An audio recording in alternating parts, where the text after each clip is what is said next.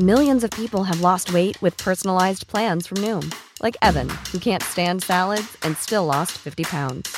Salads, generally, for most people, are the easy button, right? For me, that wasn't an option. I never really was a salad guy. That's just not who I am. But Noom worked for me. Get your personalized plan today at Noom.com. Real Noom user compensated to provide their story. In four weeks, the typical Noom user can expect to lose one to two pounds per week. Individual results may vary. Here's a cool fact a crocodile can't stick out its tongue. Another cool fact you can get short term health insurance for a month or just under a year in some states. United Healthcare short term insurance plans are designed for people who are between jobs, coming off their parents' plan, or turning a side hustle into a full time gig. Underwritten by Golden Rule Insurance Company, they offer flexible, budget friendly coverage with access to a nationwide network of doctors and hospitals. Get more cool facts about United Healthcare short term plans at uh1.com. I'm Sandra, and I'm just the professional your small business was looking for. But you didn't hire me because you didn't use LinkedIn jobs. LinkedIn has professionals you can't find anywhere else, including those who aren't actively looking for a new job but might be open to the perfect role, like me. In a given month, over 70% of LinkedIn users don't visit other leading job sites. So if you're not looking on LinkedIn, you'll miss out on great candidates like Sandra. Start hiring professionals like a professional. Post your free job on linkedin.com/people slash people today. Don't want to be perfectionist. Perfectionists are for perfect people.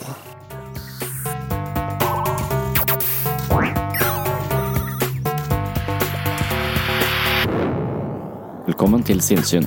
Jeg heter Sondre Risom Livre, er psykolog, og dette er Webpsykologens podkast. Hverdagspsykologi for fagfolk og folk flest.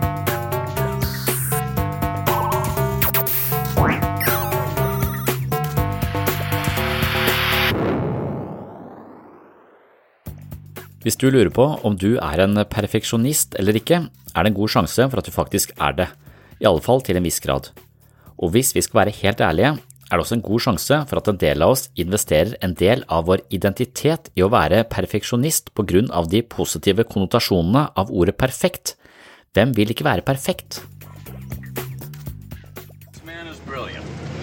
Every time I go to one of his seminars, I come out feeling high. Really? When I say high, I mean high. Higher than I've ever been on a drug.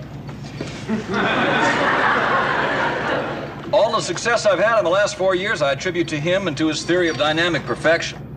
Well, everything I've heard, it sounds really great. I'm telling you, it is the secret to organizing a business, to beating your competitors, to getting somewhere in life, to happiness. Det kan være viktig å lære seg hva perfeksjonisme er for et fenomen, og hvorfor det blir sett på som en negativ ting. Mange hadde fått et langt bedre liv med mindre stress dersom de kvittet seg med en del av sin perfeksjonistiske mentalitet. Problemet med perfeksjonisme er at perfeksjonister faktisk har en tendens til å oppnå mindre og stresse mer enn vanlige mennesker med en viss grad av suksess. Den perfeksjonistiske mentaliteten gjør det mer anstrengende å delta i ulike aktiviteter og vanskeligere å nå sine mål uten å slite seg helt ut. Perfeksjonister kan ligne mennesker vi ser på som effektive og suksessrike, men det er noen vesentlige forskjeller. Som innledning til dagens episode skal jeg liste opp ti tegn på at du eventuelt har perfeksjonistiske trekk. Deretter skal du få være med til en refleksjonsrunde hvor jeg drodler mer over perfeksjonismens finurlige vesen. Men før det altså, ti tegn på at man er fanga i perfeksjonismens klør.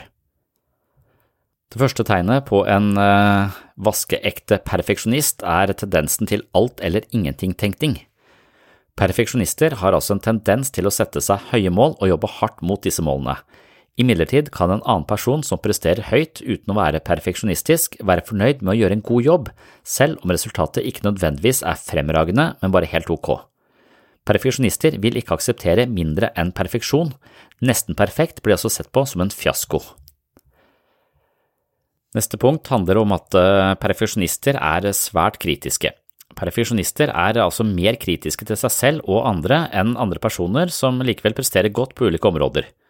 Mens vanlige høytpresterende mennesker er stolte av sine prestasjoner og har en tendens til å være støttende overfor andre, har perfeksjonister en tendens til å oppdage feil og mangler ved det meste. De finpusser på alt som er ufullkomment og har problemer med å se noe annet enn feilene. De er mer fordømmende og harde mot seg selv og andre når fiasko oppstår. Det neste punktet handler om at de er pressa og ofte drifta av frykt. Flinke og motiverte folk blir ofte trukket mot målene sine, driftet av et ønske om å vokse, lære noe og mestre det de gjør. De er fornøyde med alle aktiviteter som er gjort i riktig retning, selv om en del av det som blir gjort ikke er helt eh, korrekt eller eh, delvis feil. Feilene blir sett på som en vesentlig del av læringsprosessen på veien til målet, og ikke som en katastrofe som bekrefter ens mangel på verdi og kompetanse. Perfeksjonister eh, derimot har en tendens til å bli pressa mot målene sine av frykt for å ikke nå dem, og alt som ikke kvalifiserer som perfekt er lik fiasko. Det neste punktet handler om urealistiske standarder. Dessverre er målene til en vaskeekte perfeksjonist heller ikke rimelige. Mens de menneskene som presterer høyt uten den perfeksjonistiske mentaliteten, kan sette seg høye mål og kanskje ha glede av å gjøre litt mer når målet er nådd, setter ofte perfeksjonisten sine opprinnelige mål utenfor rekkevidde. De engasjerer seg ofte i aktiviteter som de umulig kan komme godt ut av, og med den iboende tendensen til å tenke svart-hvitt, identifisere seg med egne prestasjoner og oppleve sterke negative følelser ved kun små feilskjær, opererer de på et psykisk operativsystem som er dømt til et liv i sterk misnøye. De som bare presterer høyt, har derfor en tendens til å være lykkeligere og mer vellykka enn perfeksjonister i jakten på sine mål. Det vil si at det er altså mennesker som presterer veldig høyt og bra, men altså ikke er drevet av denne perfeksjonistiske standarden. De vil heller ikke da se på feil og feilskjær underveis som et bevis på egen inkompetanse eller udugelighet, men snarere se på det som en del av læringsprosessen og barrierer man må forsere for å komme til det resultatet man ønsker. Så feil blir ikke sett på som noe negativt, men snarere som høstet erfaring mens eh, perfeksjonisten ser på veien eh, til målet og alt som skjer der som ikke er eh, plettfritt og sømløst, som tegn på egen tilkortkommenhet og udugelighet. Så det er to ganske forskjellige innfallsvinkler til å nå målene sine, og den perfeksjonistiske personen har ofte også kun resultatet og målet for øye, og klarer ikke å glede seg ved den prosessen som ligger i forkant av eh, resultatene, så de går hele tiden eh, fremover på jakt etter eh, det beste resultatet og finner egentlig ingen glede på veien til målet.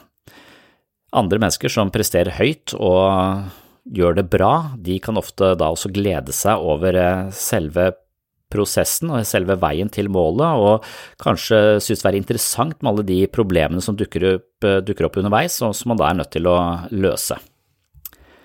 Det neste punktet handler om eh, nettopp dette med fokus på resultater. Mange engasjerte og flinke folk kan nyte prosessen altså, eller veien til målet, ofte mer enn selve målet. Omvendt ser perfeksjonister kun målet og ingenting annet. Veien til målet er bare noe de skal eh, gjennomføre for å høste et bestemt resultat. De er så opptatt av å nå målet og unngå den fryktede fiaskoen at de ikke kan glede seg over prosessen med å vokse, løse problemer, streve, gjøre ting på nytt, feile, rette opp i feil og alt det andre som ligger mellom en ambisjon og måloppnåelse. Dypest sett er det jo nettopp eh, selve livet som utfolder seg i dette spenningsfeltet, og hvis man anser det som noe som bare skal gjennomføres, presteres eller manøvreres for å unngå fiasko, går man glipp av det som er selve livet. Det neste punktet handler om at eh, perfeksjonisten ofte blir deprimert av mangel på måloppnåelse. Perfeksjonister er mye mindre glade og omgjengelige enn andre high achievers. Mens sistnevnte er i stand til å komme seg raskt tilbake i sporet etter en skuffelse, har perfeksjonister en tendens til å slå leir i misnøyen og velte seg i negative følelser når deres høye forventninger ikke blir oppfylt. Neste punkt er eh, frykt for å mislykkes. Perfeksjonister er rett og slett så mye mer redde for å mislykkes enn de som oppnår gode resultater uten denne mentaliteten fordi de plasserer så mye av sin egenverdi i resultater og blir overdrevent skuffa over noe mindre enn perfeksjon, fremstår fiasko som et skrekkinnjagende scenario. Og siden alt som ikke defineres som plettfritt og perfekt blir bedømt som fiasko, utsetter perfeksjonister ofte ting til siste øyeblikk. Og da kommer vi over i neste punkt som handler om prokrastinasjon, eller prokrastinering. Det virker paradoksalt at perfeksjonister henfaller til prokrastinering da den utsettende atferden åpenbart er skadelig for produktiviteten, men perfeksjonisme og utsettelse har en tendens til å gå hånd i hånd. Dette er fordi perfeksjonister, i frykt for fiasko, blir så lamma av frykten for å begå en feil at de ikke klarer å gjøre noe i det hele tatt. Prokrastinering fører imidlertid til enda flere følelser av tilkortkommenhet, noe som plasserer perfeksjonisten i en vanskelig og lammende syklus. Det neste punktet handler om at perfeksjonister ofte går lett i forsvar, fordi en mindre enn perfekt forestilling er så smertefull og skummel for perfeksjonister, har det en tendens til å ta konstruktiv kritikk defensivt, mens deres eh, høypresterende brødre og søstre oppfatter kritikk som verdifull informasjon de kan bruke for å justere egne strategier i møte med nye utfordringer. Så vil vil altså si at eh, perfeksjonister er eh, litt lite mottakelige for kritikk, eller de tar kritikk svært tungt, mens andre mennesker som likevel presterer høyt, tar imot kritikk som noe de kan lære av og derfor er nysgjerrige og interessert i det.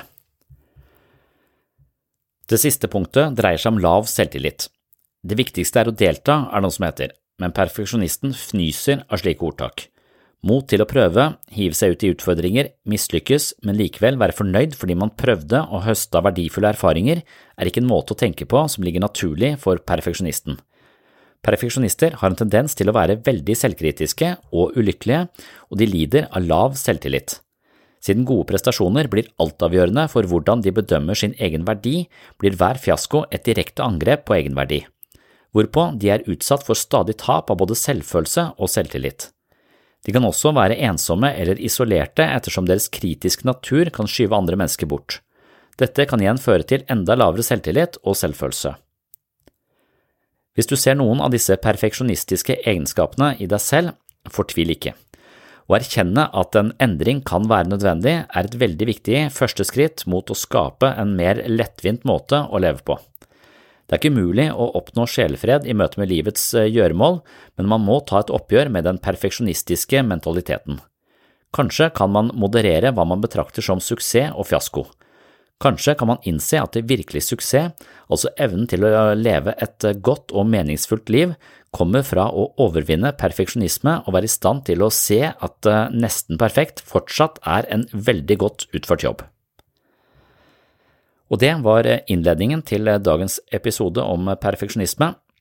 Nå går vi videre til dagens hovedsegment, som er mer freestyle-refleksjon rundt et fenomen som drenerer mange mennesker for livskvalitet, altså perfeksjonisme. Boy, what a bunch of losers. You talking about us, Jim? I'm talking about you. I'm talking about me. I'm talking about all of us. But I'm not going to be a failure for long. I found the secret dynamic perfectionism. Well, I think the little Dutch boy in Iggy's brain just let the water go. I want to tell you I've learned what separates successful people from people like us. Barbed wire if they're smart. So, uh, what's the big secret, Jim? Come on, tell us what it is. Simple.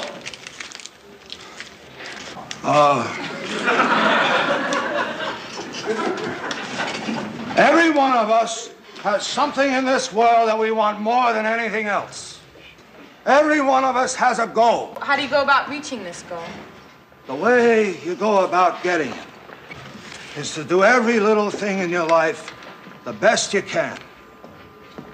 If you do everything perfectly, eventually you'll reach your goal. Therefore, I'm going to do everything perfectly.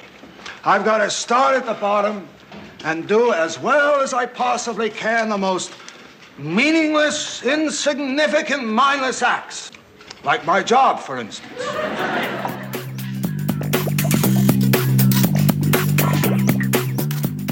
Der står det at noen klarer ikke å nyte livet, men lever under en konstant følelse av press.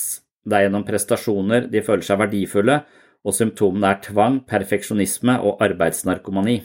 Overskriften er altså perfeksjonistisk og selvkritisk. Så det, det, tror jeg har vært sånn jeg har begynt ø, året noen ganger ø, på denne podkasten. At jeg har liksom ø, hatt dette perfeksjonisme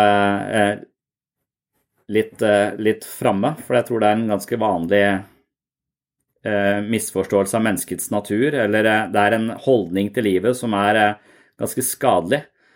som jeg føler bør tematiseres eh, av og til. Så jeg vet ikke, perfeksjonisme Det er så mange nyanser av det. Det å være sensitiv for detaljer og kunne utvikle ting og se nyanser og perfeksjonere så det blir eh, et eh, helt sånn fantastisk eh, musikkstykke eller en fantastisk roman, det er det jo ikke nødvendigvis noe, noe, galt, noe galt i. Det er jo kanskje det å være engasjert og opptatt av detaljer i ting. Det trenger ikke nødvendigvis være at man er man kan, Det kan jo kalles perfeksjonisme, det òg. Men eh, når vi bruker begrepet her, perfeksjonisme, så er det ofte med sånne negative eh, konnotasjoner, på, på sett og vis. At vi tenker på perfeksjonisme som noe som, eh, som sørger for at vi hele tiden har en forventning til oss selv som vi ikke har muligheten til å nå ved første forsøk og dermed gir opp, eller eh, kronisk føler at vi ikke strekker til, at det vi gjør ikke er bra nok, noe som smører en følelse av misnøye utover hele livet. da. Og noen går så langt som at hvis ikke jeg kan gjøre det perfekt, så gidder jeg ikke gjøre noe i det hele tatt.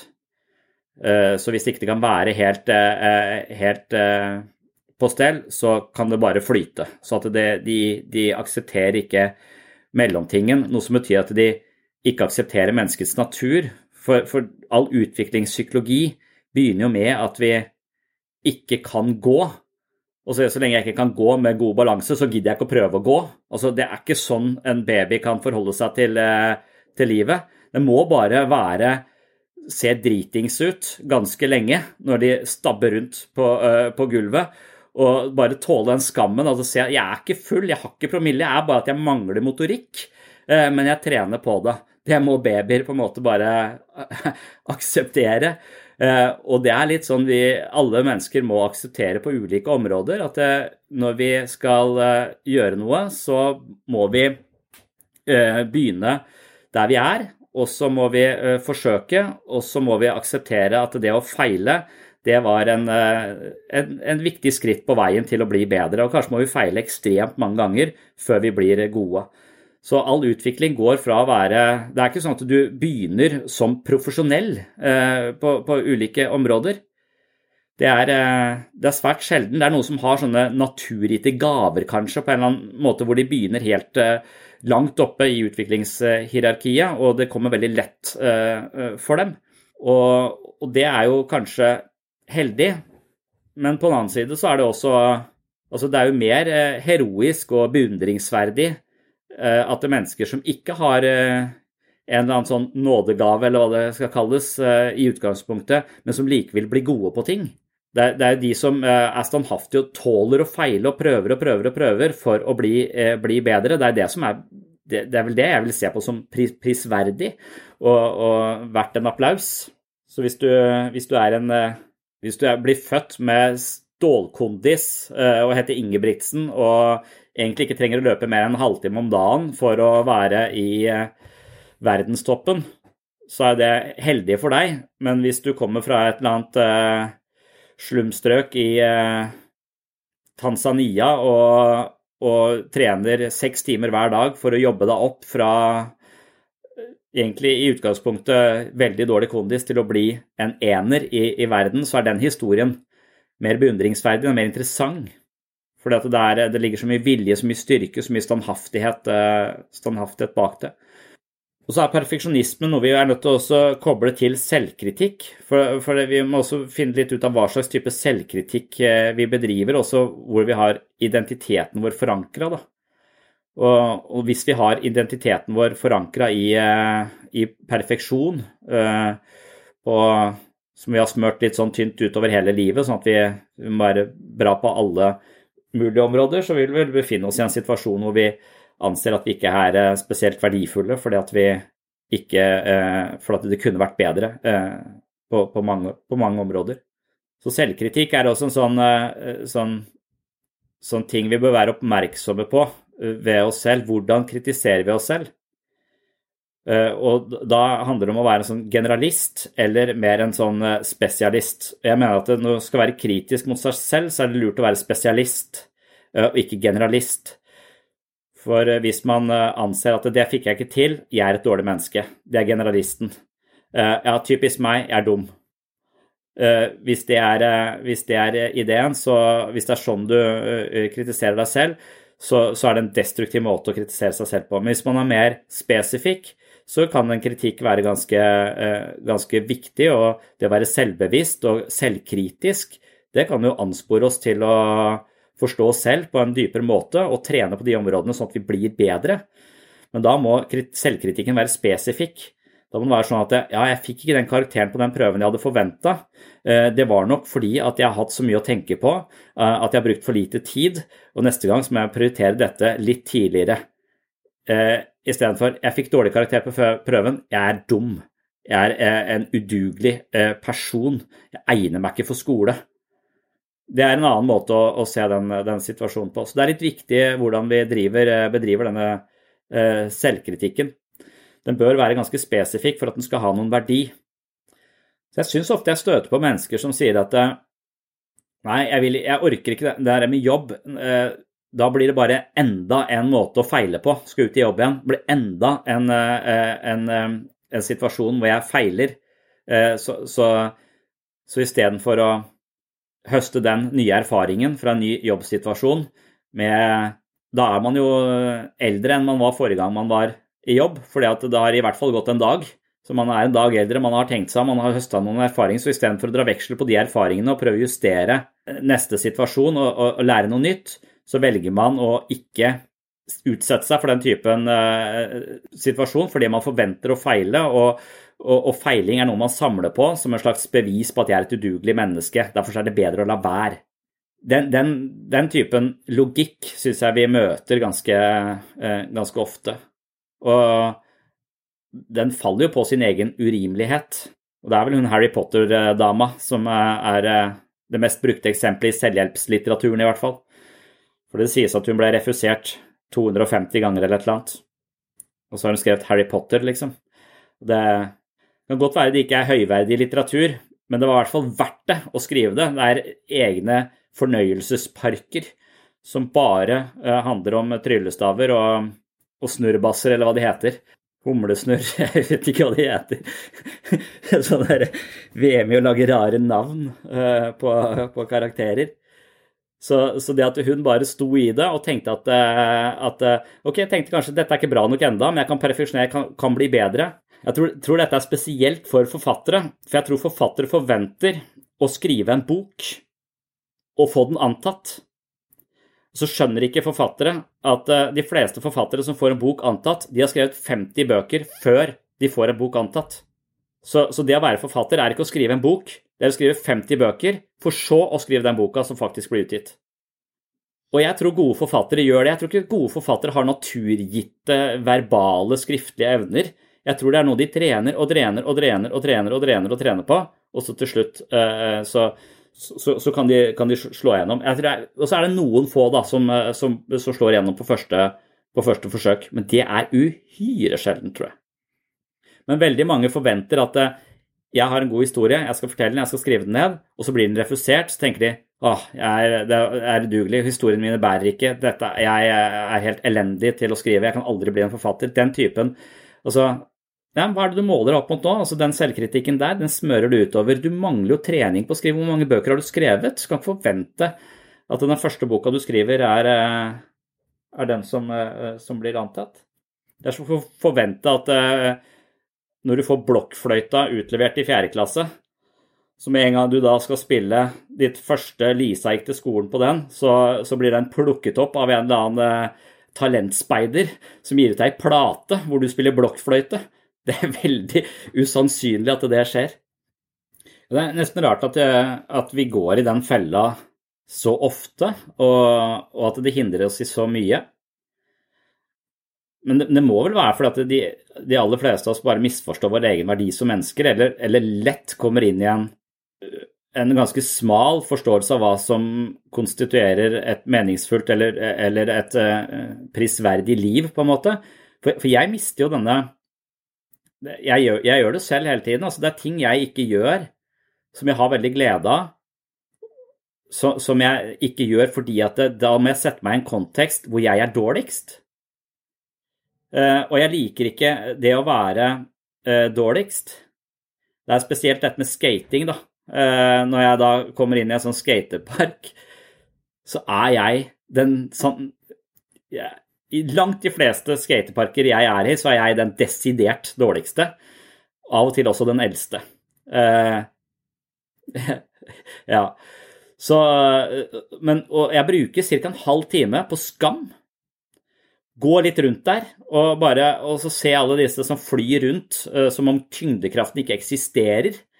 Uh, og, så, og, så, til slutt så, så, så, tenker jeg bare gi faen, jeg driter i hva disse folka tenker om meg. Disse unge, hippe, kule folka som hører på musikk jeg ikke har hørt før. Så tar jeg på meg min egen musikk fra, fra eh, 90-tallet, og, og, så opplever jeg at jeg er tolv år igjen. og så viser det seg at kroppen ikke husker dette like godt. Så. Men, men det er den skammen og, og liksom altså, hva, hva, tenker de andre om meg nå, som stabber rundt her? Hvorfor, hvorfor, hvorfor driver jeg med det, liksom? Når jeg er så, um, så, så dårlig. Ready to pop the question? The jewelers at BlueNile.com have got sparkle down to a science with beautiful lab-grown diamonds worthy of your most brilliant moments. Their lab grown diamonds are independently graded and guaranteed identical to natural diamonds, and they're ready to ship to your door. Go to Bluenile.com and use promo code LISTEN to get $50 off your purchase of $500 or more. That's code LISTEN at Bluenile.com for $50 off. Bluenile.com code LISTEN. There's never been a faster or easier way to start your weight loss journey than with PlushCare PlushCare accepts most insurance plans and gives you online access to board-certified physicians who can prescribe FDA-approved weight loss medications like Wigovi and Zepbound for those who qualify. Take charge of your health and speak with a board-certified physician about a weight loss plan that's right for you. Get started today at plushcare.com slash weight loss. That's plushcare.com slash weight loss. plushcare.com slash weight loss. Hiring for your small business? If you're not looking for professionals on LinkedIn, you're looking in the wrong place. That's like looking for your car keys in a fish tank.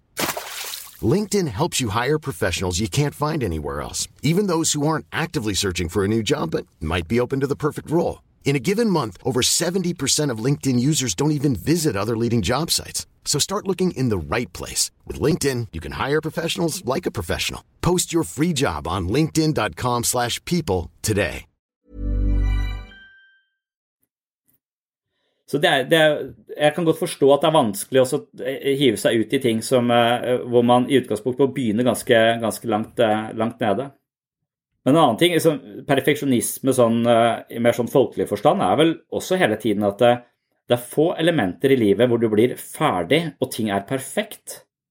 Det er alltid, altså, jo, mer, jo mer du går inn i et felt, jo flere nyanser ser du, og jo mer ting kan perfeksjoneres. Sånn at det å ikke trives med at man alltid er underveis, det, det er eh, Hvis du ikke klarer å trives med at du er underveis, så, så er du Så er du ganske Da har du det ganske vanskelig. Hvis ting skal være, være perfekt, eller du skal ha et endelig svar, du skal bli ferdig med noe, da, da, da tror jeg du spiller livet som en sånn spill som, som slutter. Spill, da spiller du livet som om det er ludo og ludo er så kjedelig. Eh, altså det er gøy i starten, men ludo blir dritkjedelig, for du kan regne ut alt, og til slutt så handler det om noen tilfeldigheter og noe flaks og noe sånt. Mens livet bør være mer som sjakk, hvor du hele tiden kan utvikle deg, kan hele tiden bli, bli bedre. Altså Queen's Gambit har jo gått på Netflix nå, og litt bra eh, serie. Så bare det å vite at Magnus Carlsen i dag ville sannsynligvis slått alle tidligere verdensmestere bare fordi at tiden har gått og spillet har utvikla seg. Og, så man bygger og bygger og bygger og bygger. Du blir aldri ferdig. Og, og, at man hele tiden Man kan aldri bli en perfekt terapeut. Man kan aldri bli en, aldri bli en perfekt partner. Man kan liksom, men man, man kan hele tiden synes det er interessant å vokse. Men hvis man da hele tiden legger til grunn at jeg må være perfekt og god på det jeg gjør, så vil du hele tiden bare legge merke til alt du mangler og du, alle de områdene hvor du ikke strekker til, og så vil alt være forbundet med misnøye og faenskap, istedenfor en glede ved å vokse fra å være ræva til middelmodig. Det å sette pris på å være Hvis jeg hadde blitt middelmodig i skating, da hadde jeg vært lykkelig på det området.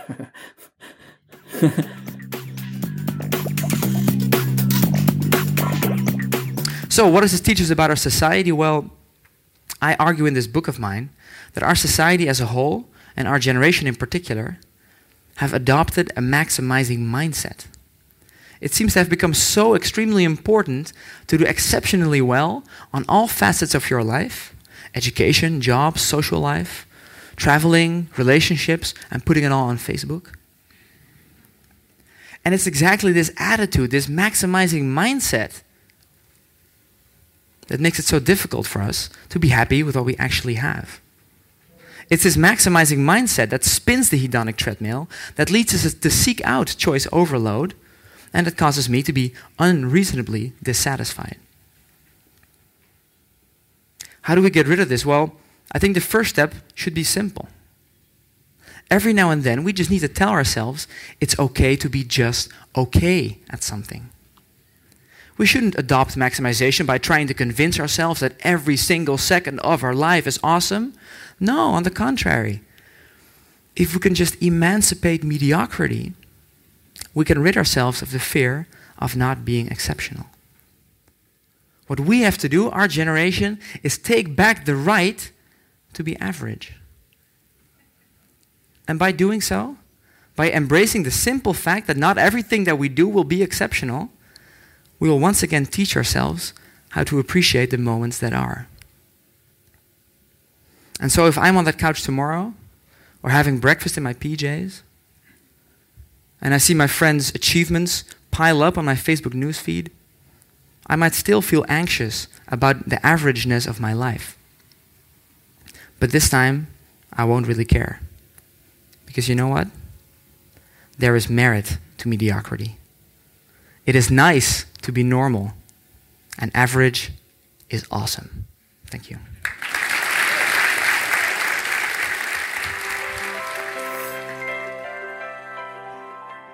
Man feiler ikke hvis man sitter helt stille. Bortsett fra at det sannsynligvis er den største feilen du kan begå, da. Å feile er mye mer verdifullt enn å ikke gjøre noe. Uansett. Det er akkurat dette her som liksom har vært problemet mitt når det gjelder religion også. Uh, hver gang jeg møter et religiøst fellesskap som gir meg svar Ja, da har vi spilt det spillet, da veit vi hva det er. Da er vi ferdige, da. Altså, at jeg, jeg, tror man vinner Hvis man skal ha en, en sånn åndelighet, så bør det være en, en, variant, som jeg også møter i mange religiøse fellesskap, en variant hvor det hele tiden er nye felter å utforske, ting vi aldri kommer til å vite helt, men vi kan få stadig mer innsikt i. Aldri vil aldri bli ferdig spirituell, på en måte. Du vil alltid, det, det er en utviklingslinje, en, en mulighet for vekst. Mens ofte så, så, spilles det med på den måten Det skjedde, det skjedde, det skjedde, og så ble vi frelsa, bla, bla, bla. bla, bla. Altså, altså, ok, det, det, blir, det, blir, lukka, det blir spilt som et lukka spill. Og, og det, det, er liksom forskjellig fra menighet til menighet. Noen har et mye mer åpent religiøst spill som jeg syns er mye mer interessant. Eh, men det krever også mer at vi får ingen endelige svar. Vi må leve med at verden er uforutsigbar, at livet er uforutsigbart og vi aldri helt kan vite. Men vi kan prøve å finne ut nye perspektiver hele tiden. Altså at det å være underveis er verdifullt. For hvis du blir ferdig med noe, så har du bare resten av livet, da. Hva skal du gjøre da? Nå er vi ferdig med det. Ja, da kan vi bare sitte her og vente på død, da. Altså Ja, det lærte jeg heldigvis på den fadderuka på universitetet. At det var sånn fadder, eh, fadderuke, og da følte jeg at jeg fikk en sånn veldig klok fadder. Uh, og han han sa det at eh, Eller eh, på en eller måte fikk han lurt inn, for da var jeg sånn Da tenkte jeg at skal fem år, bare komme meg gjennom dette, og så skal jeg bli ferdig utdanna, og så skal jeg eh, det og det og det. Så jeg var hele tiden foran. Jeg skulle bare gjennom det, sånn som jeg hadde kommet meg gjennom videregående. For videregående var bare noe du skulle gjennom. I hvert fall for min del. Jeg klarte ikke å etablere noen form for interesse for verken algebra eller, eller noe som helst. altså så, så, det var bare noe jeg skulle gjennom, og den hele tiden er jaget for å komme gjennom ting. Det er slitsomt å leve på den måten, og det er ganske destruktivt også. Og så sa han at nå, nå, nå har dere fem år for dere, det er de beste fem åra i livet deres. Det kommer ikke til å få det bedre eh, enn dette, så nyt hvert eneste, hver eneste dag. Så, så istedenfor å tenke at dette er noe jeg skal igjennom, så bør det være noe som du bare tviholder på, og nesten som en god bok, da. Så du blir nesten som, du blir lei deg når den er ferdig. Eh, så, sånn bør man tenke om eh, veien til f.eks. en utdannelse. Da. Eh, men mange tenker jeg skal bare gjennom det og komme meg ut i jobb. Og så, så, så, og da klarer man ikke å etablere interesse for den boka man faktisk leser. Da. Når barna blir store og flytter ut, da Hva er det som skal skje da, egentlig? Jeg skal til Italia på en vingård uten at noen maser på meg. Det skal skje, da. Må bare passe på å ikke bli alkoholiker før det, for da kan jeg ikke dra dit. Ja, det er noe Jeg tror det er en evolusjonær verdi i å legge merke til alle feilene vi gjør, fordi at eh, det er viktig å korrigere for det for å mestre livet, liksom. Så at det er lett å legge merke til eh, å samle på kritikk og negative tilbakemeldinger. Men, eh, men, hvis det blir for mye av det, så slås vi i bakken og får vi liksom ikke brukt det til noe konstruktivt. Men jeg, men jeg tror nok også kanskje det Altså, det er en, en eller annen sånn eksistensiell dimensjon ved det å, å tåle å feile. fordi det du feiler på noe, så får du en erfaring som kan på en måte bevege deg videre. Det er jo det som er vekst, å feile. Men samtidig så er det en slags erkjennelse av at du ikke mestrer eh, livet, og det setter deg i en litt sånn sårbar posisjon. da. Sånn, hvis du ikke har en følelse av å kunne håndtere det som kommer din, din vei, så er du på en måte hjelpeløs og maktesløs. Eh, og, og, og, verden blir uforutsigbar. Men hvis du er profesjonell og, og, bare kan dette, og får den følelsen, så, så, har du en følelse av å bemektige deg verden, på en måte. Du har en følelse av at jeg kan kontrollere framtiden. Jeg har oversikt, jeg har kontroll, jeg er i balanse. Ingenting kan vippe meg. Så, så, selv om du bare har den følelsen på et par steder, så kan du liksom generalisere den også ut i livet og føle deg sånn trygg på at livet mestrer jeg fordi at jeg er dritgod på mountainbiking, liksom. Eh, så at, den, så at du kan faktisk bruke den mestringsfølelsen på noen områder til å få en sånn, litt sånn verdensmesterfølelse som du smører utover hele, hele livet. Motsatt så kan du få den samme følelsen av å mislykkes på noe, til å bare føle at jeg mestrer ikke livet. Livet er uforutsigbart. Jeg kan ikke Jeg må bare sitte helt stille og håpe på at det ikke går til helvete. Eh, jeg må liksom prøve å gjemme meg. Så jeg tror det er en sånn eksistensiell dimensjon der hvor, hvor, feiling minner oss på vår sårbarhet og sånn manglende Og det er det man sier med utviklingsangst. da, at, når barn utvikler seg, så er det jo fordi at de går fra en måte å håndtere verden på, så ser de at den måten å tenke, føle og handle på, den fungerer ikke. Og den korresponderer ikke med sånn eh, virkeligheten egentlig er. Så jeg må justere hele verdenssynet mitt og blikket på, på ting. Og når jeg da forlater noen måter å tenke på til fordel for noen nye, så faller jeg litt fritt, for jeg har ikke nå mestringsstrategien som skal til for å håndtere tilværelsen min. Eh, og du må begynne litt på nytt. Og den følelsen der er sånn, og Da er det nesten bedre å tviholde på de destruktive strategiene du hadde. For å legge de fra deg til fordel for ingenting, eller det å måtte trene opp nye, så er du i en sånn veldig sårbar fase hvor du skal trene opp de nye. Da, da har du ikke noe fotfeste. Og Det er derfor man sier at det utvikle seg handler om å miste fotfestet.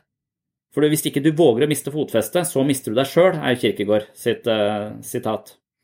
Men går det an å rekalibrere bare hele tankegangen uh, rundt det å feile som en, uh, som en erfaring? Altså at det, livet Det eneste vi kan gjøre i, i livet, er å høste erfaringer. Og det er det det handler om. Og da kan man gå så langt som å si at de gøyeste erfaringene er der man skikkelig driter seg ut. Så at det å geite rundt i et eller annet sånn skatesenter hvor folk liksom Bare det å try... Eller bare gjøre Sette seg i situasjoner hvor man blir Hvor man føler man skammer At det er liksom man kan, Skammen man føler da, kan bli en slags erfaring, noe, no, noe verdifullt, en god historie. Eh, noe man kan tenke tilbake på med en viss sånn pinlighet. Men den pinligheten er altså en del av det å leve. Men, men, det krever nok, hvis vi skal tenke på at eh, feil er bra, feil er noe vi må gjøre mer av, så krever det at vi, at vi har litt orden på vår egen identitet. Eller selvfølelse. For det med en gang du eh, setter et slags eh, likhetstegn mellom graden av suksess og graden av fiasko med din egen verdi som menneske, så, så, så, spiller vi et ganske risikabelt spill. For da vil det å vinne, eller det å lykkes, være så altavgjørende for, eh, for vår egen selvfølelse. Så altfor mange spiller med, eh, med, sin egen selvfølelse som innsats, eh, og dermed så blir det å lykkes så, så, så viktig, fordi at vi, vi likestiller Den uka jeg lykkes og gjør det bra, så er jeg fantastisk, og den uka jeg mislykkes, så er jeg tilsvarende ræva. Derfor så bør man jo ikke egentlig Man bør være litt forsiktig med hvordan man gleder seg over alt man får til, og tenker at ja, det er jeg helt konge. Den tanken er akkurat den samme tanken som jeg mislykkes, jeg er helt ræva.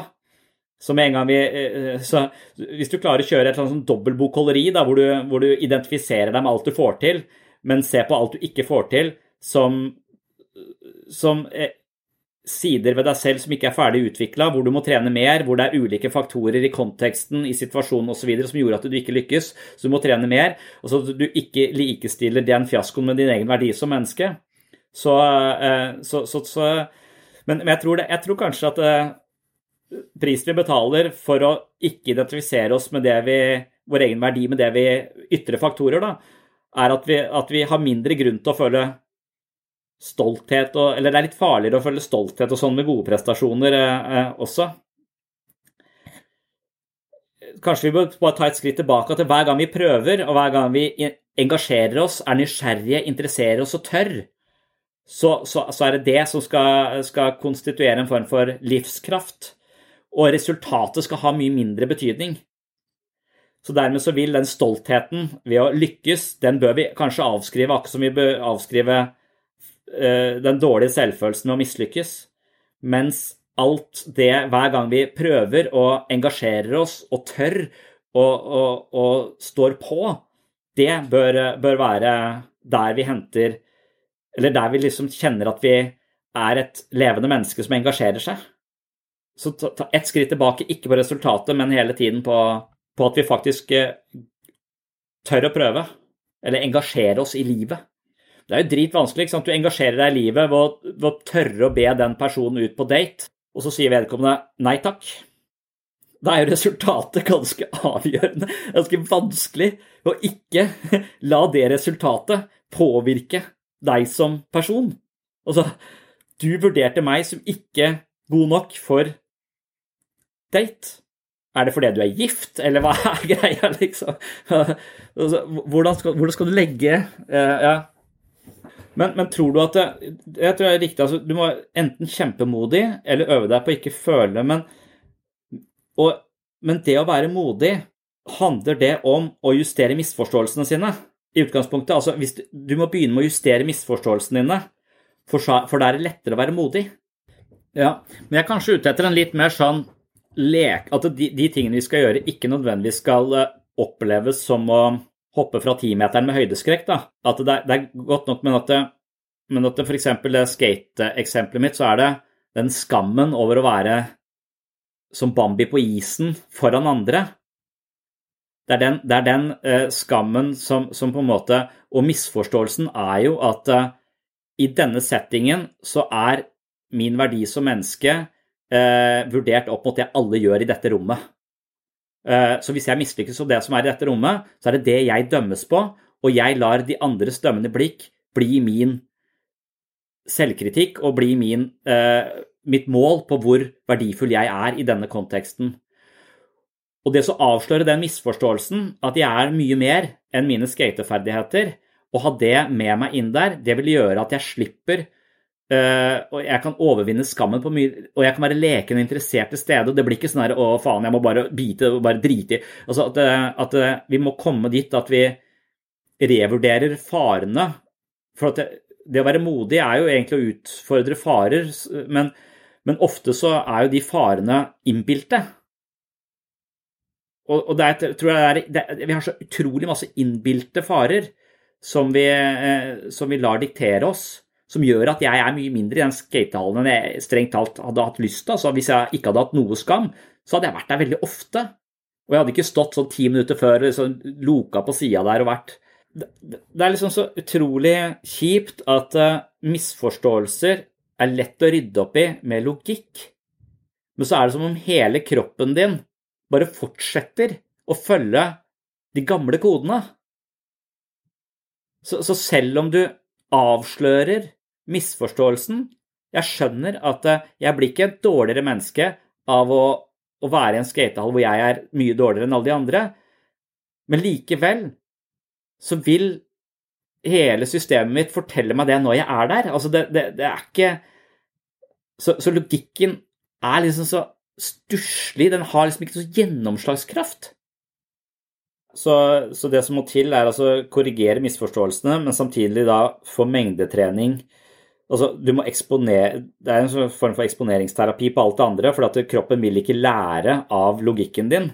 Så den må hele tiden erfare og erfare og erfare. Så du må presse deg, du må ved hjelp av logikk presse deg inn i situasjonen, og så være i den så mange ganger at kroppen også til slutt lærer at det ikke er, ikke er farlig. Og så finnes det noen mennesker som, eh, som er anlagt på den måten at de tar til seg pedagogikk og ideer på denne måten og bare omsetter det i praksis umiddelbart. Det har vi sett her eh, noen ganger, at det er noen som, eh, som, har, som bare Å ja, ja, da gjør jeg det, da.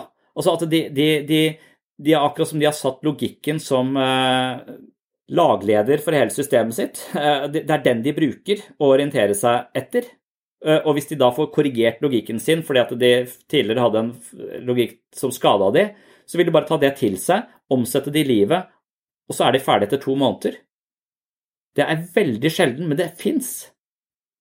Ja, så tilbake til perfeksjonisme. da, Så lenge du forventer å få det til på første forsøk, så, øh, og du ikke fikk det til, så, så gir du opp. Ja, så at du perfeksjonismeideen blanda inn denne selvkritikken og sånn, det gjør, gjør, at vi ikke anerkjenner at vi må ha ganske mye mengdetrening der også, på sånne, på sånne ting. Ja. For det vi det vi gjør, er jo veldig tett knytta til den vi er. For det er jo det, det, vi gjør, som reflekterer hvem vi er som, uh, som menneske. Og i denne banale skatesituasjonen, så vil jo det jeg gjør, reflektere at jeg ikke er en person som har uh, vært standhaftig nok til å lære meg dette her ordentlig. Sånn at jeg er gammel og talentløs. Og dermed så, så er jeg så er, så det, Men hvis jeg hadde vært skikkelig god, så hadde jeg reflektert at det, dette er en person som virkelig har lagt inn mange timer, som har viljestyrke, som er eh, som, Altså at, det, at, jeg føler det speiler meg eh, som, eh, som, menneske. Problemet er kanskje bare at at ethvert menneske har én million sånne målestokker som det kan speiles på, og i noen settinger så er det bare én målestokk som synes. Jeg tror det handler veldig om perfeksjonisme. for at jeg, jeg, jeg tror at de standardene vi har satt, som vi enten når eller ikke når opp til, de er jo ikke De er jo installert. De er, det, det, er så mange typer målestokker du kan bruke på, enhver, på hvert område av livet. Så, så, de målestokkene vi har valgt å bruke på hvorvidt vi lykkes eller ikke lykkes, de er liksom litt sånn tilfeldig plassert i huet vårt av de menneskene vi har omgås. Derfor så tenker jeg at vi er sånn relasjonelle mennesker. Altså, eller vi er Vi har alltid en relasjon. altså det å være et menneske er å ha en relasjon til et annet menneske som siden blir din egen relasjon til deg sjøl. Så når du snakker til når du, når, du, når du, vurderer deg selv og føler skam eller ikke skam, så er det i dialog med andre mennesker som ikke lenger er til stede, men som nå opererer inni ditt eget hue som din egen tankegang, liksom. Og hvis du da har masse folk som har satt masse sånne krav, og det er ikke bra nok, det er ikke bra nok, så, så vil du leve med det Freud kanskje ville si er et ekstremt strengt superego, da Altså dette superego er typisk den der instansen i deg selv som hele tiden krever noe og ikke syns er bra nok og forholder deg sånn og sånn. og så at det blir eh, Ja, så jeg tror det har mye med det, Perfeksjonisme, hva slags standard folk har, er jo helt, eh, helt tilfeldig på Eller ikke helt tilfeldig, de er installert i samspillet. Vi har nok sånne komparative målestokker. At det er en viktig del av og en en av de, våre, den verste fienden vi har, at vi hele tiden sammenligner oss med, med, andre, og at det er sånn vi vokser opp også. Vi blir vurdert i forhold til en skala og til uh, hvordan andre Vi har en norm, en normalfordelingskurve på, så, så, at vi hele tiden er i sammenligning med, med andre mennesker. Det ødelegger ganske mye livskvalitet uh, og nysgjerrighet og lekenhet uh, med å ha for mange sånne så Nå for tiden så er jeg mye på den skøytebanen i, i sentrum. Og så kan jeg stå på skøyter, heldigvis. For jeg, det hadde blitt en ny sånn skatearena. Altså, jeg er ikke veldig god på å stå på skøyter, men jeg, kan, jeg mestrer skøyter. Jeg kan stå på skøyter, liksom. Og så var jeg der i går, og så er det masse folk og sånn, og så ser jeg en sånn litt stor kar, på min alder, kanskje eldre, som er helt altså, det, Han kan overhodet Han finner bare ikke balansen i det hele tatt, liksom. Og, og der tenker jeg Eller hva, hva, skal man tenke om det? For da, da, er du Da, da tenker jeg For, for det, det, jeg er usikker på om jeg hadde vært på den isen med så dårlig balanse. Altså, det kan jo være at det ikke er lurt i utgangspunktet, for han brekker lårhalsen, men bare den derre Da er du ganske det er, Alle står og ser på. Det er masse folk, det er ingen som egentlig ser på deg, men du vil lett føle at alle ser på deg, du har dårlig balanse, at ikke du føler den derre At du ikke blir så selvbevisst og tynget av andres blikk når du ikke finner balansen på de skøytene, men likevel bare Han var der i time, liksom. Jeg syns det er helt uh, utrolig beundringsverdig. Mens jeg kan, jeg kan, gå rundt her og tenke at ah, nå føler jeg det litt bedre, for du er så dårlig. Men så kommer en fyr som har vært en tidligere nabo av meg, som er sånn hockeytype, og så har han tre barn som bare raser rundt der, og så bare spinner rundt oss, på en måte. Ah, da ble det litt kjipere å være her, for da fikk jeg litt mindre verdi.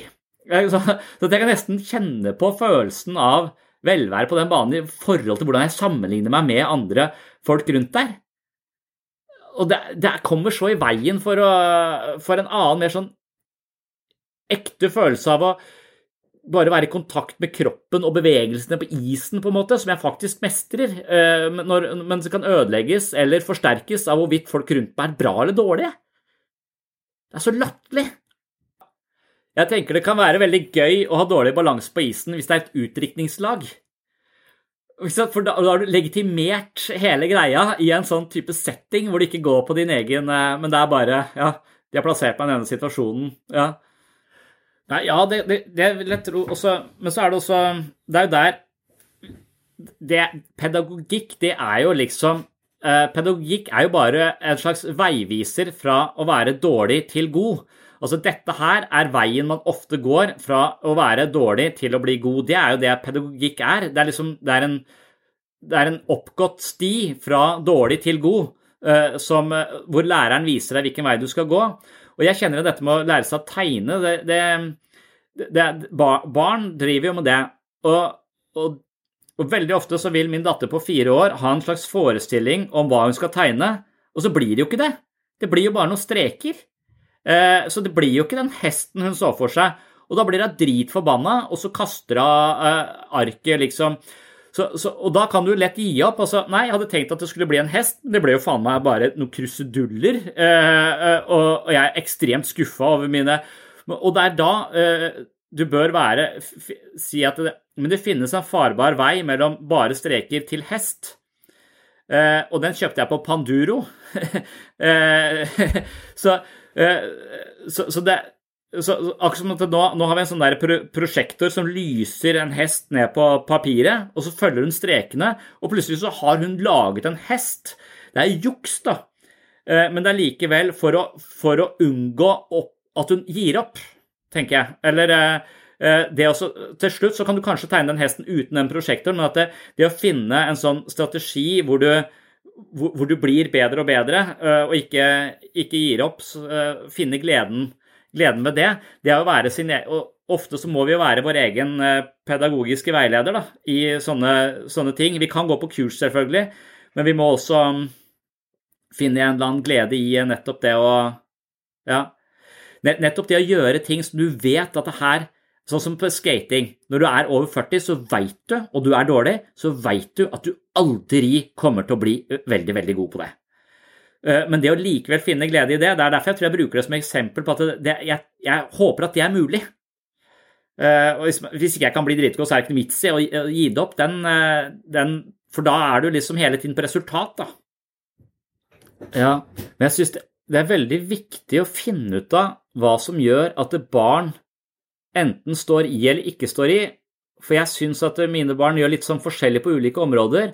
Men jeg er der nede med sønnen min, og, og det gikk ikke spesielt bra i fjor. Altså, da var det hjerne... Det Hjernerystelser og alt mulig. Men, men, men, nå så føler han en form for Altså, han syns han er god, og det er han ikke enda. Men han står Han faller Istedenfor å falle 200 ganger, så faller han 150. Og han ser det som en slags forbedring. Og så ser han jo disse folka som er yngre enn han, som er dritgode der. Og hvis han hadde hatt min mentalitet, så hadde han sannsynligvis gitt opp. Eh, eller hvis, når jeg er på mitt beste, så gir jeg ikke opp, da, men jeg kan også lett komme til å gi opp det prosjektet. Men jeg ser at han har en glede ved å bli bedre og bedre. Så barn, på noen områder så er barn forskåna for den sammenligningen, men de ser oi, han Emil, han er dritgod. Han var han som bodde borti gata før. Sånn kan jeg også bli. At han ser det som en, som en inspirasjon til, til, noe. Og det er en så stor forskjell på det. Altså, men så andre områder så ser jeg at de ikke ser Nei, her, dette får jeg ikke til, så da gidder jeg ikke å, å, å prøve. Hva, hva, er det som gjør at vi ser på noe som inspirerende? At det, folk som er bedre, blir inspirerende, og det blir gøy og noe å jobbe mot. Og, mens de som prøver seg, ikke egentlig bare legger det fra seg. For det er jo veldig viktig å ikke legge fra seg, i hvert fall for, for mange ting. da. Jeg lurer på hva som gjør at barn hvordan skal vi oppføre oss overfor barn sånn at de ikke sammenligner seg med mange andre på en sånn destruktiv måte? Ja, for, for, perfeksjonisme og alt dette er litt lett å snakke om, som du sier. altså Hvis det bare dreier seg om sånn skøyter eller fotball eller en eller annen aktivitet, eller, eller, golf, da. Men golf innebærer jo å få den ballen i hullet på færrest mulig slag, og så har du vunnet hvis du får det på færre slag enn han du spiller mot.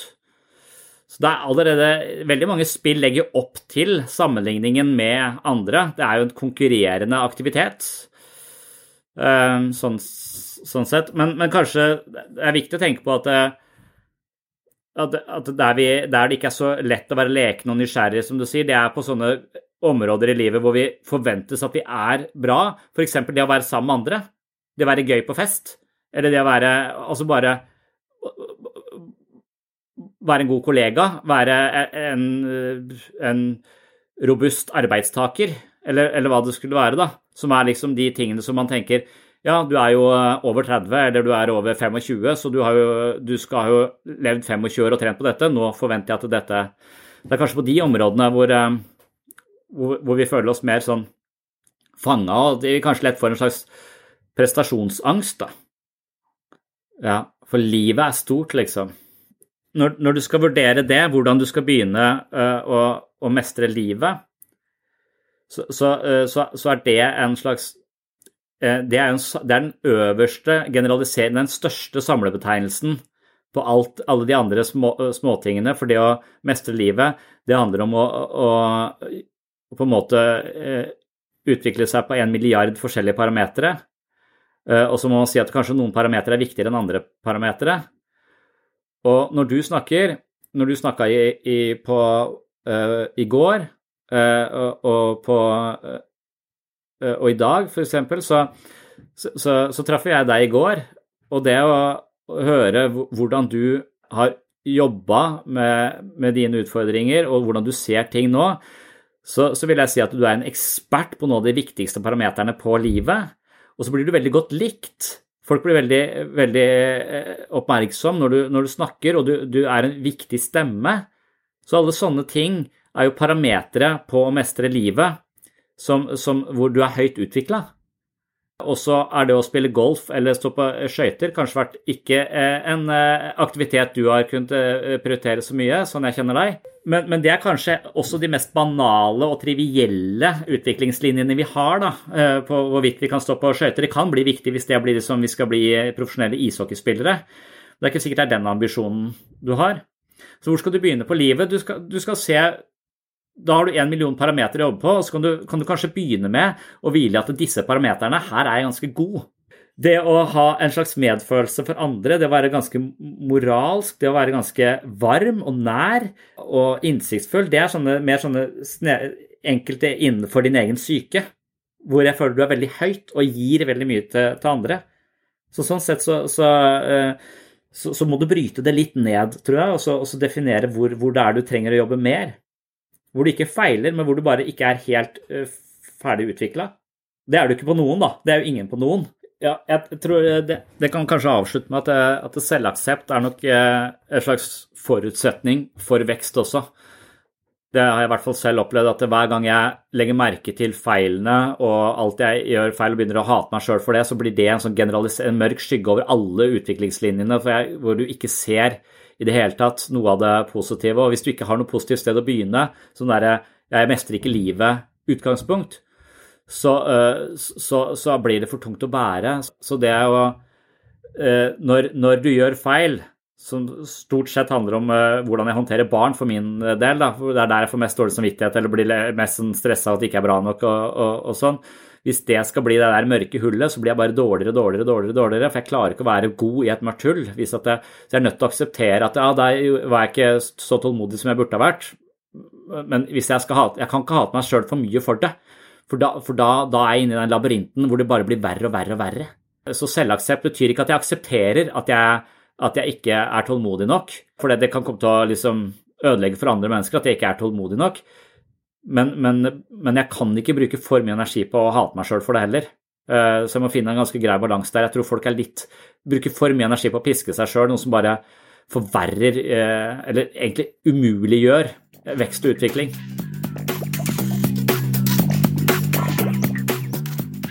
Takk for at du hørte på Sinnsyn. Vil du høre enda mer om perfeksjonisme, kan du gå til episode 30 på min Patron-side.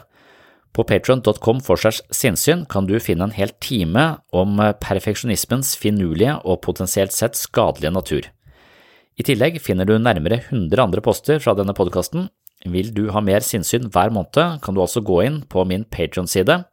På Patron ligger masse eksklusivt ekstramateriale fra denne podkasten. Her er det flere episoder av sinnssyn, mentale øvelser, mye videomateriale, og jeg leser bøkene mine kapittel for kapittel, slik at Patron til slutt huser lydbokversjonen av mine tre bøker. Hvis du finner verdi her på sinnssyn, vil ha mer sinnssyn hver måned og har lyst til å støtte prosjektet, slik at jeg kan holde hjula i gang her på podkasten, er et abonnement på Patron av stor betydning for dette prosjektet. Mitt mål er jo å spre kunnskap, interesse og engasjement rundt menneskets eh, sjelsliv til eh, så mange som mulig, for jeg tror det er viktig med en viss grad av innsikt i menneskets eh, mentale operativsystemer, altså det jeg kaller for sinnssyn. Men podkasten er et krevende prosjekt å holde i gang over tid, men med støtte fra dere kan prosjektet både vokse, utvikle seg og leve lenge. På Patron kan du bidra med et selvvalgt beløp per måned, og beløpet vil altså gi deg et medlemskap på mitt såkalte mentale treningsstudio. Jeg vil også benytte anledningen nå til å takke alle dere som allerede er Patron-supportere. Det er lyttere som dere som sørger for at lyset er på her inne på sinnssyn uke etter uke, måned etter måned, år etter år. Det er som sagt eh, kostnadskrevende på mange måter å drive denne podkasten, men jeg elsker å gjøre det, og med støtte fra Patron-lyttere kan jeg prioritere sinnssyn hver eneste uke, så tusen hjertelig takk for det. Det var det for denne gang, vi høres forhåpentligvis igjen om noen få dager. På gjenhør!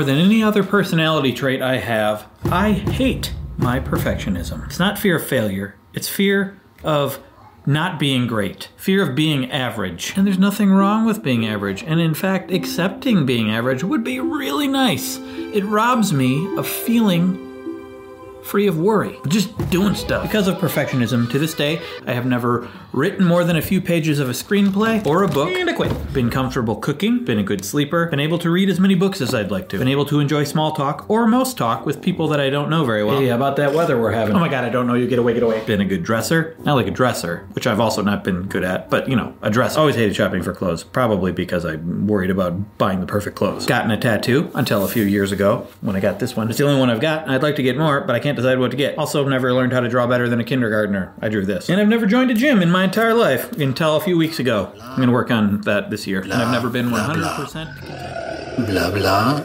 Blah, blah, blah, blah. Blah, blah, blah, blah. Blah, blah, blah, blah. Planning for your next trip? Elevate your travel style with Quince. Quince has all the jet setting essentials you'll want for your next getaway, like European linen, premium luggage options, buttery soft Italian leather bags, and so much more. And it's all priced at 50 to 80% less than similar brands. Plus, Quince only works with factories that use safe and ethical manufacturing practices. Pack your bags with high-quality essentials you'll be wearing for vacations to come with Quince. Go to quince.com slash trip for free shipping and 365-day returns. Mom deserves the best, and there's no better place to shop for Mother's Day than Whole Foods Market. They're your destination for unbeatable savings, from premium gifts to show-stopping flowers and irresistible desserts. Start by saving 33% with Prime on all body care and candles. Then get a 15-stem bunch of tulips for just $9.99 each with Prime. Round out Mom's menu with festive rosé, irresistible berry chantilly cake, and more special treats. Come celebrate Mother's Day at Whole Foods Market. Even when we're on a budget, we still deserve nice things. Quince is a place to scoop up stunning high-end goods for 50 to 80% less than similar brands. They have buttery soft cashmere sweaters starting at $50, luxurious Italian leather bags, and so much more. Plus, Quince only works with factories that use safe, ethical, and responsible manufacturing. Get the high-end goods you'll love without the high price tag with Quince. Go to quince.com/style for free shipping and 365-day returns.